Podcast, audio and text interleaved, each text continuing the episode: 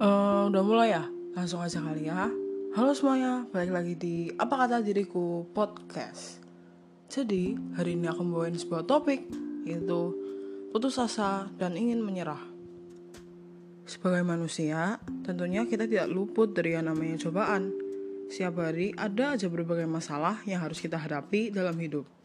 Mulai dari masalah keluarga, masalah dengan teman, masalah di sekolah atau di tempat kerja, hingga masalah finansial. Ketika mengalami kebaikan dan kenikmatan hidup, tentu semua orang sangat bahagia kan? Tapi ketika sedang mengalami kesedihan dan putus asa, apakah kita bisa bahagia?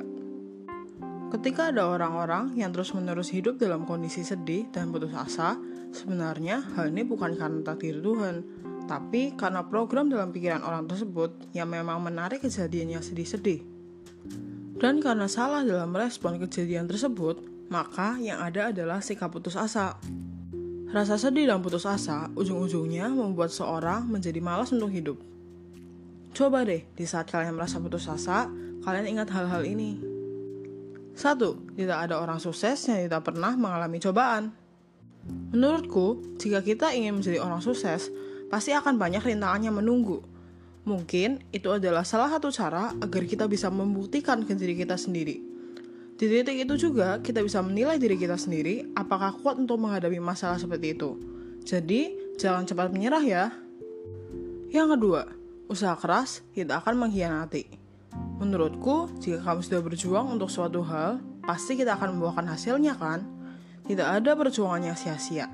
Seperti orang yang di bawah tidak akan selalu akan di bawah, dan juga orang yang di atas tidak akan selalu di atas. Kita harus ingat itu.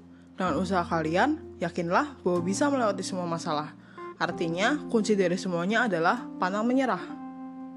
Yang ketiga, ingat bahwa kalian sedang menghadapi masalah di masa sekarang. Mungkin alasan kalian mudah menyerah karena kalian punya mimpi di masa depan nanti.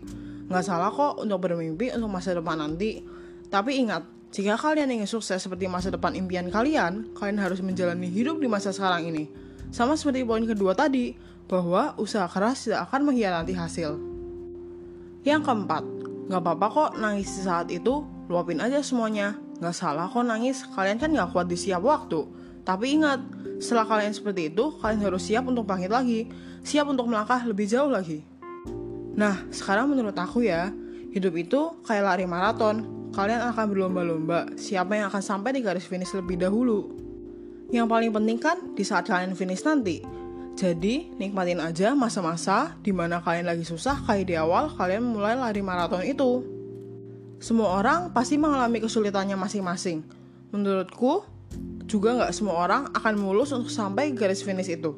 Jadi, kalau kalian udah patah semangat dan putus asa, kalian harus ingat di saat kalian bangkit, fokus kalian adalah siap untuk berlari lebih cepat lagi untuk mengalahkan orang-orang yang tadi udah melewati kalian.